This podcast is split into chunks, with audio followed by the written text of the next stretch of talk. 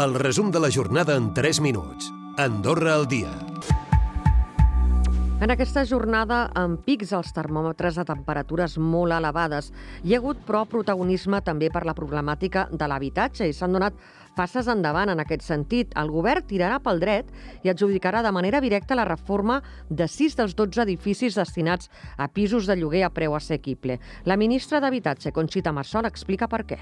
Evitar, d'alguna manera, el termini que comporta una, una convocatòria pública tot plegat ho fa amb l'ajuda dels arquitectes, tal com explica la degana del col·legi, Sònia Palau, ja que ells mateixos han sortejat els col·legiats que s'encarregaran dels treballs. En comptes de decidir ells a qui li estan donant, s'ha fet mitjançant un procés que podríem dir participatiu i obert a, a tots els arquitectes. I el cap de govern Xavier Espot ha defensat la feina feta per Inspecció de Treball davant les denúncies d'abusos de treballadors peruans subcontractats.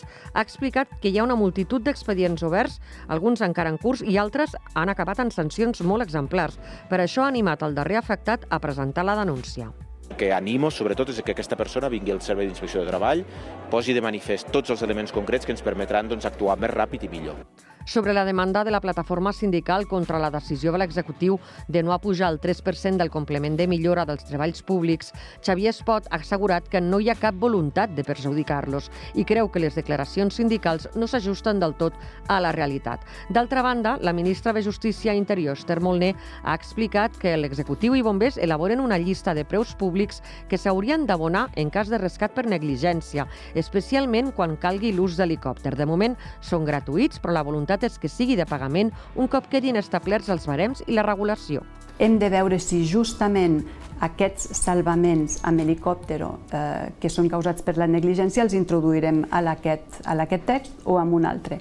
El paper d'Andorra a la UNESCO és tan jove com la seva Constitució, però Audrey Azoulay, directora general de l'organisme, destaca que el país ha recollit molt bé els seus valors i que se'ls ha fet seus, protegint el passat i posant en valor, per exemple, la Vall de Madriu per a Fita Claró com a patrimoni de la humanitat i demostrant l'equilibri entre desenvolupament econòmic i sostenibilitat on l'entorn natural amb la reserva de la biosfera a Ordino. Tots dos els ha visitat durant la jornada d'avui.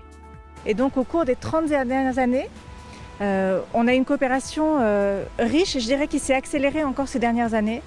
Seguim en risc de sequera i és que les altes temperatures que mencionàvem a l'inici i el canvi climàtic contribueixen a la manca de recursos hídrics que són limitats.